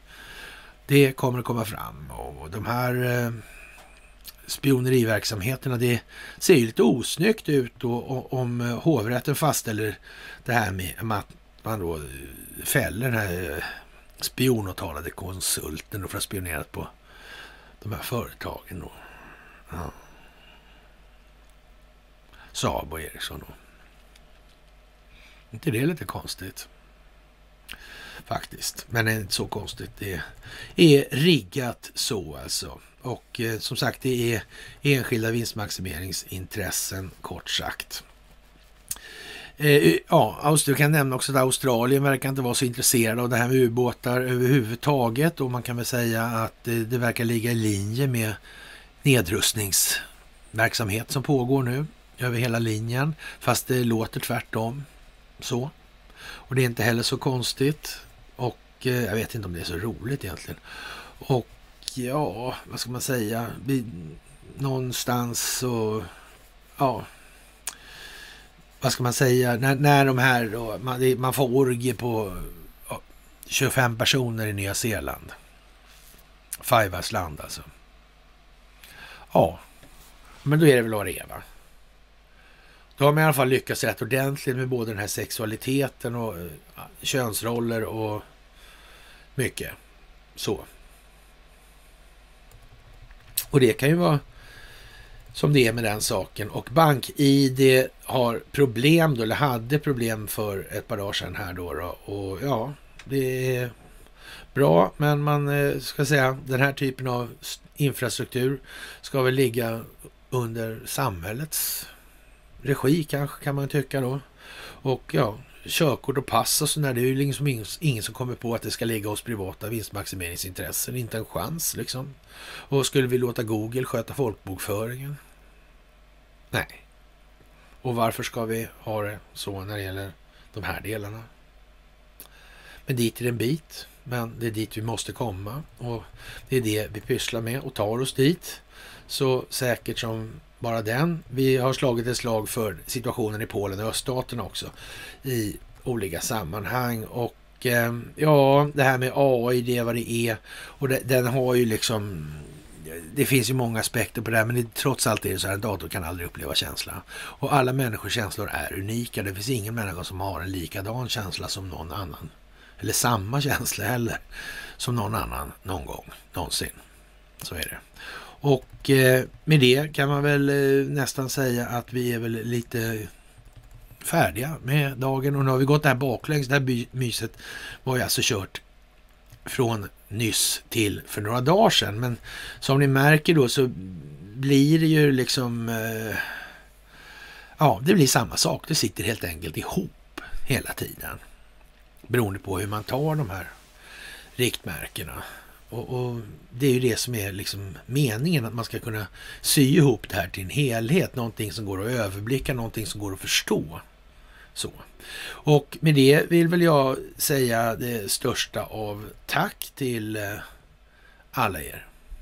Det är fantastiska. Och det är en stor glädje att få göra det här tillsammans med er. Absolut.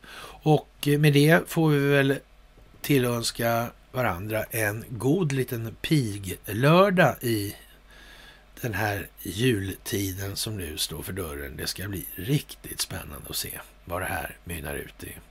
Okej, vi hörs väl senast på fredag. Och som sagt, fantastiskt att ni hjälper till att driva på kanalen så här mycket. Fantastiskt. Ni är jätteduktiga. Och ni ska, man ska inte stirra sig för blind på så att säga, man, det är häpnadsväckande siffror så att säga. Eller rättare sagt, det är häpnadsväckande anomalier. Men det är som sagt som det är med företag som ligger i sfärerna för att kanske bli uppköpta till följd av ett fallande aktiepris om man uttrycker sig som så. Lite hovsamt men ändå kryptiskt. Trevlig kväll så hörs vi på fredag.